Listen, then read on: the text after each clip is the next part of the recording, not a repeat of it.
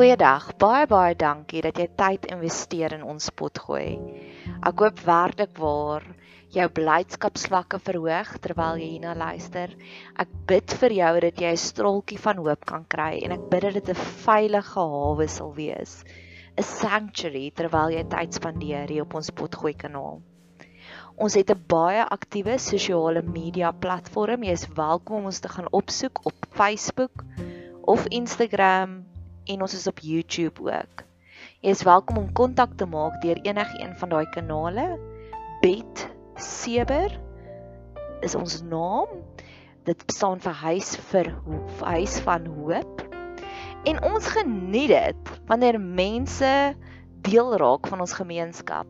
So indien jy enig op enige manier wil deel raak van ons gemeenskap, stuur asseblief vir ons 'n boodskap hê. Ons kom Vrydagoggende bymekaar en dan gee ons bietjie vir mekaar liefde, sissie liefde. Jy is welkom om deel te raak van ons gemeenskap deur om hierdie potgoeie te deel met jou vriende en familie of jy kan lekker kreatief raak om deel te raak van ons laat daai kreatiewe juices bietjie vloei. Ek het op nou onlangs gehoor van 'n ander potgooi kanaal wat vertel het die persoon het vir haar koek gebak om hulle verjaarsdag te vier. So laat jou kreatiewe juices vloei. Ek hoop jy geniet hierdie kuiertjie op ons potgooi kanaal.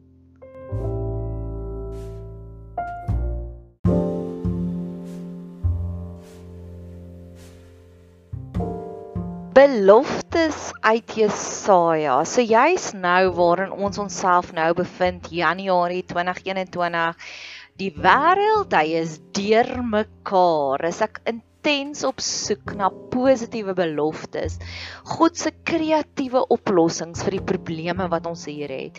Ek glo met my hele hart en ek verklaar dit uit dat daar is geen probleme, geen pandemie, geen siekte, geen hartseer, geen insident waar God nie alreeds 'n perfekte oplossing vir ons reg het in die hemelkamers en al wat hy wil hê is ons moet net nader aan hom kom. En jy's nou in hierdie vers 3, Jesaja 9 vers 3, waar ons nou gaan gesels tussen my die perfekte voorbeeld daarvan.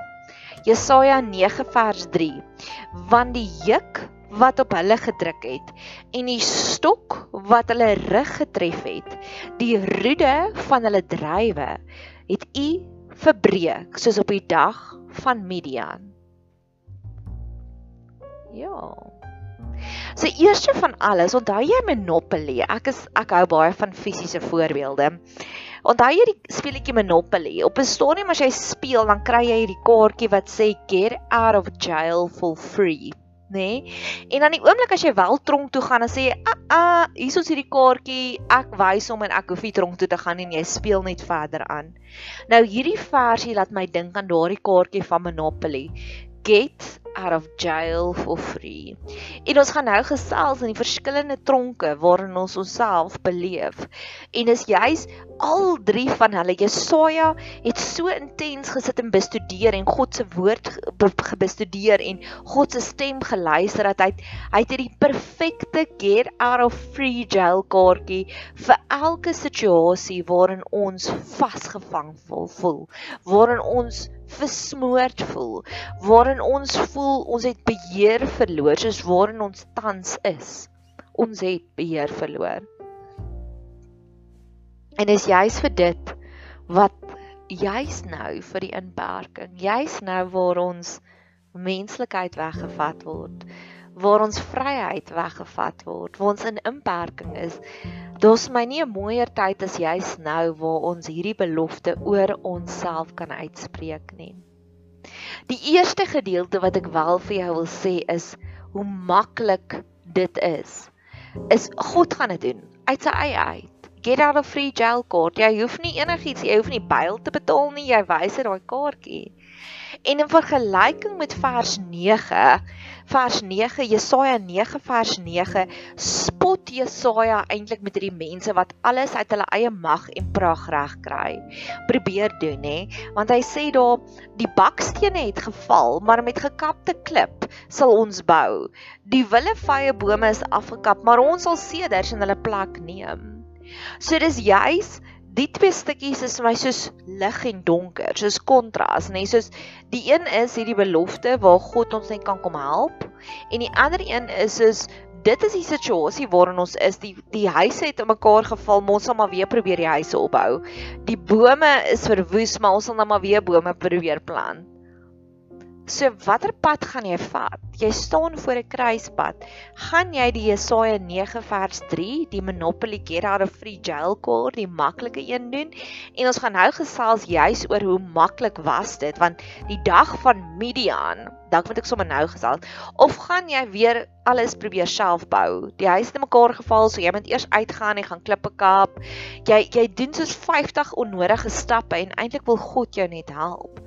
50 onnodige stappe soos plaas 'n land in 'n lockdown wat die ekonomie verwoes om te hoop ons gaan hierdie pandemie uitneutraliseer. It doesn't make sense. Dit maak nie sin nie. Die emosionele skade wat gedoen word want die oomblik wanneer jy jou finansies aangeraak word, begin jy te stres. Die oomblik wanneer jy stres, het jou liggaam nie meer 'n hoë immuniteit nie, nê? Nee, so letterlik dit is vers 9 vir my, maar God beloof hierdie dag van Midian. Nou dalk ken jy nie die dag van Midian nie. Ek love die storie van die dag van Midian. So wat gebeur het op daardie stadium was die Midianiete was die onderdrukkers het het vir Israel geonderdruk, nê. Nee, so hulle was die oppressors, nê. Nee. En Midian was baie sterk en hulle was baie finansiëel ekonomie sterk. Hulle was weermag sterk. So verbeel jouself in vandag se terme Amerika besluit hulle veg oorlog teen Suid-Afrika. Ons sal sleg tweede kom. En dit was die situasie daar of China veg oorlog teen Suid-Afrika of China veg oorlog teen Lesotho. I mean, it's not a battle. En God rig vir Gideon op. En hy sê vir Gideon, ek gaan jou laat veg teen hulle en jy gaan wen. En dan sit daai oomblik van hy hy maak sy uit hierdie hierdie hierdie weermag van 3000 mense en dan sê God nee, almal wat water uit die waterbak uit drink soos wat honde dit drink, dit moet jy vat. So met ander woorde, God sê vat al die swakkes, al die dommes wat nie wat nie kan dink om 'n waterbakkie met hulle hande te maak nie, maar wat soos 'n hond gaan lê en lek. God sê dis wat jy wil hê in jou weermag. En hy vat 300 van hulle, van 3000 na 300. En in die aand voordat hulle moet gaan veg, weet jy wat doen God toe? God stuur vir al die Midianiete hierdie verskriklike scary droom, hierdie nagmerrie. Hulle skrik hulle self so boeglam, hulle hardloop almal weg. En daar wen Gideon met hierdie 300 dom mense sonder dat hulle enigiets gedoen het. En dit is weer eens vir my die hierdie bewys van die kreatiewe oplossings wat God gereed het. God het soveel kreatiewe oplossings vir ons gereed en ek wil nou daarin intap met alles hierdie wat ek nou gaan noem van dit is die verlossings wat beloof is. God het hierdie lang lys van kreatiewe oplossings soos 'n droom wat hy stuur en dan hardloop die mense weg. Wie het gedink jy gaan 'n oorlog kan wen met 'n droom? Vandag dink ons aan nukleerwapens, vandag dink ons aan tanks, vandag dink ons aan AK47's. Ons dink nie aan drome daarvan nie. Ek hou van daai kreatiwiteit en dis waarna ek op soek is juis nou. Ek wil daardie kreatiewe oplossings van God sien. Kreatiewe oplossings juis nou in die pandemie wil ek hierdie kreatiewe oplossings sien. Ek weer eens ek hou van voorbeelde. Ek hoop voorbeelde en stories maak dat jy dit beter sal onthou. Ek het nou onlangs oor die Desember vakansie het ek The Grinch That Stole Christmas gekyk. En die manier hoe die kreatiewe oplossing van Dr. Seuss was om die Grinch te oorwin was om hierdie cute oulike dogtertjie te stuur na die Grinch toe en sy het hom opgechommy. En toe sy nie meer so nare erge slegte wolf nie. En ek hou van daardie kreatiewe oplossings en dis waarna ek nou op besoek is. Ek het altyd hierdie ding wat ek sê fetching popcorn. Ek wil nou vir myself springbilies gaan skiet en kyk hoe gaan die Here hierdie situasie, hierdie pandemie oorwin met kreatiewe oplossings soos 'n cute oulike ou dogtertjie of soos 'n droom 'n nagmerrie wat jou vyande so in vrees laat vang. So dis wat God beloof in hierdie een. En nou gaan ons kyk waarvan wil hy ons verlos.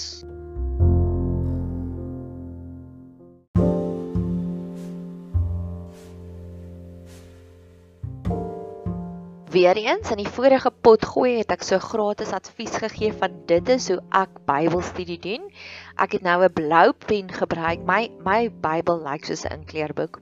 En ek het sulke blou wolkies gaan trek om al die drie goeters waarvan hy ons wil verlos. So die een is 'n juk, die tweede een is 'n stok en die derde een is 'n roede waarvan hy ons wil verlos. So wat is 'n juk? Wat is 'n stok en wat is 'n roede? En hoe word dit gebruik en wat het Jesaja hier probeer doen? Probeer sê. So 'n juk is 'n juk waaronder 'n bees gegaan het en dan dat die osse waans getrek. Of 'n juk is op daardie stadium wanneer mense in die tronk was, het hulle hulle so publiek display en dan hulle in hulle in daai juk gesit. Ek weet op 'n storie op 'n storie met Jeremia ook so rondgeloop in hierdie juk om te sê hy is 'n gevangene. So vandag, ja, boeye, jy kan dink aan boeye soos wanneer jy gearresteer word. Jy kan dink aan dit, maar nog 'n beter voorbeeld vir my is 'n juk is 'n manipuleerder. Die oomblik wanneer jy 'n marionet poppie is van iemand en jy speel net in hulle lyne, dan is jy in daardie juk. So jy kan dalk voel jy is die slagoffer van 'n manipuleerder en dis wat jy voor die Here se voete wil gaan neersit. Dalk is dit in 'n werksituasie, dalk is dit in 'n huwelikssituasie, wat ook al. So gaan gee dit vir die Here. Hy het 'n get out of free jail card vir daardie insident ook. Maar tweede, meer op 'n nasiewye vlak, wonder ons almal of word hierdie statistieke van COVID nie gedokter nie. Excuse the pun, deur dokters. En um dalk word ons gemanipuleer deur die hoeveelheid sterftes, deur die hoeveelheid positiewe gevalle. So ons wil ook daardie manipulasie voor God se voete gaan neersit. So dis die eerste belofte wat hy daar gee. So die tweede een is 'n stok. So ek het gaan navorsing doen wat het Jesaja probeer sê daar met die stok en die stok was waarmee hulle skape aangejaag het. So daai stok was 'n 'n metodiek om jou beeste, om jou vee te beheer.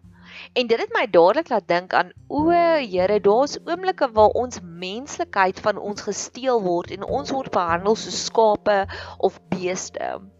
So op al die plekke waar jy voel jou menslikheid word van jou gesteel of iemand behandel jou dalk soos 'n voorwerp in plaas van 'n mens, gaan gee ons dit ook voor Here se voete. En dan die derde verlossing wat Jesaja hierso beloof is die roede van hulle drywer, die roede van die onderdrukker. En Ek dink ons almal besef hier in Suid-Afrika tans word ons so onderdruk. Ons as 'n Afrikaanse nasie word onderdruk. Daar is meer weermag manne wat Shabeens polisieer as wat daar die arme mense wat op plaasmoorde en plaasaanvalle is. Of die oomblik wanneer jy weet jy kan nie meer ek het gister weer met iemand gepraat wat gesê het Israel het al hulle blanke vleeniers afgedank. Dit is 'n tipe van 'n onderdrukking. So ons gaan gee al daardie situasies net so vir die Here en ons sê Here, U beloof hier dat ons hoef nie iets te doen nie. Dit gaan wees soos in die dag van Midian. Ek weet dat God het 'n kreatiewe oplossing vir elke een van hierdie probleme.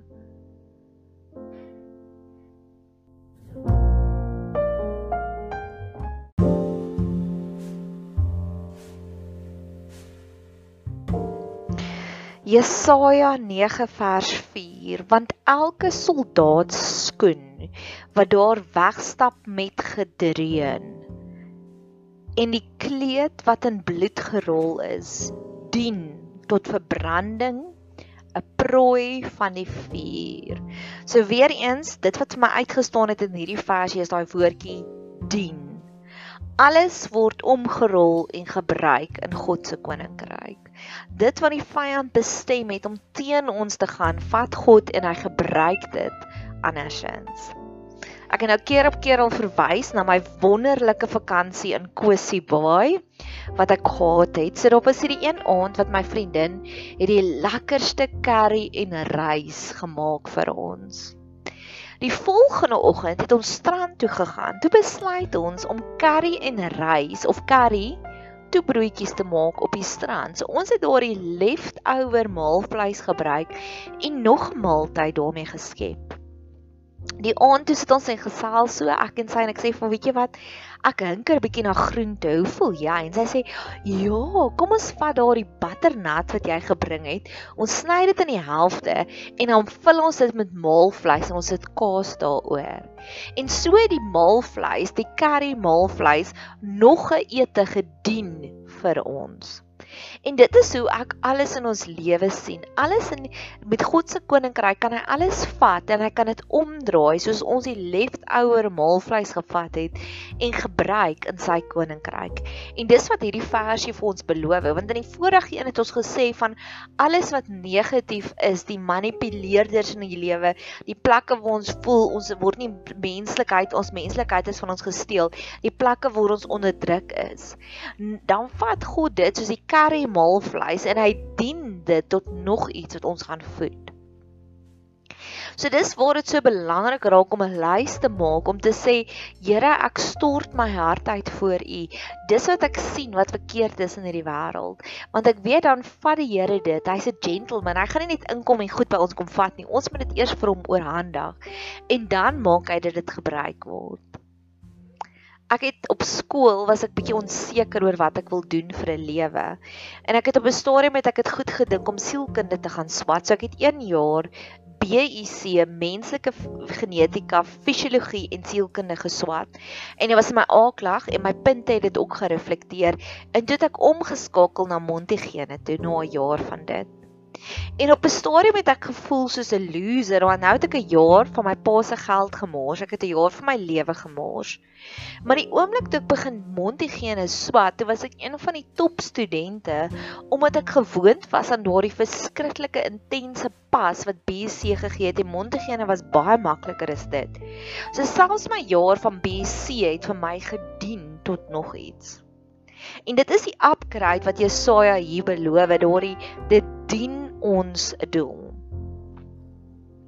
Ek het gister, eergister het ek begin, nee, gister begin, eergister my eerste konsultasie gehad met 'n konsultant van Herbal Life. So hier is 'n shout out vir Herbal Life. Want ek het besef in lockdown en die Desember vakansie het ek baie gewig opgetel en ek is nou op die nuwe rotine van ek is geweeg en ek weet hoeveel body fat is daar wat baie hoog is op hierdie stadium en hoeveel spiermassa is daar. En ek wil selfs daardie reis wil ek ook in God se hande kom gee om te sê Here U weet hoeveel keer het ek ongesond geëet in hierdie afgelope ruk. Laat selfs dit dien tot 'n positiewe uitwerking. So dit hiersoos ek wat nog nie 'n getuienis daarvan het nie, maar ek verklaar dit sommer ek kom dien sommer hierdie reis van gewigsverlies om net weer by my ideale gewig uit te kom. Kom gee ek ook vir die Here want ek weet God sal dit ook kan gebruik op die ou ene van die dag. Ek het hierdie quote gekry wat ek graag vir jou wil lees, juis op hierdie storie. Only God can turn a mess into a message a test into a testimony, a trial into a triumph, a victim into a victory.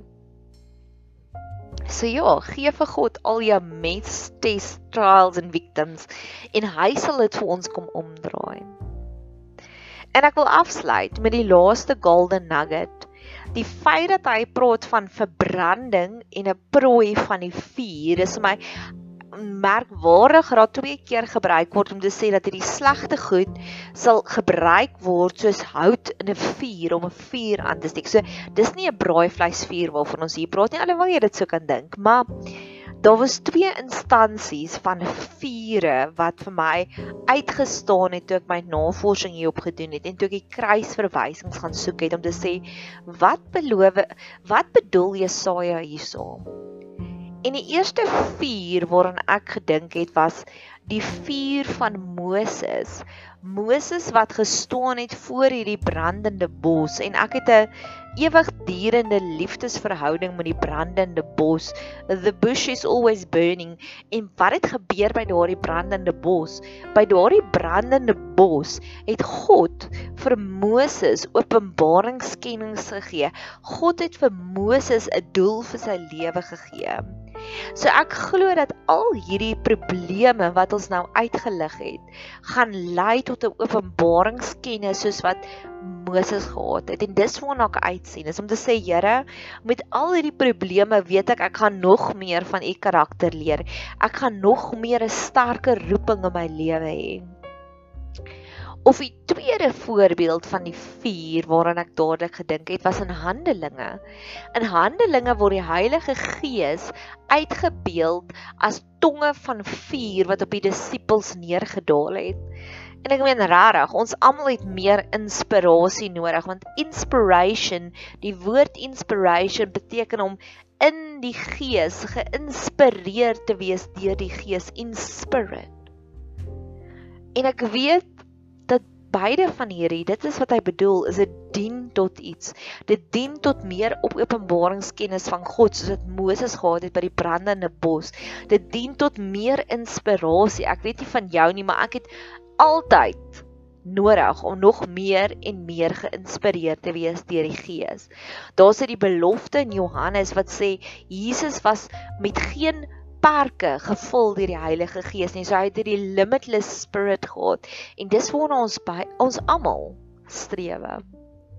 So ja, dis die beloftes uit Jesaja, Jesaja 9 vers 3 en vers 4.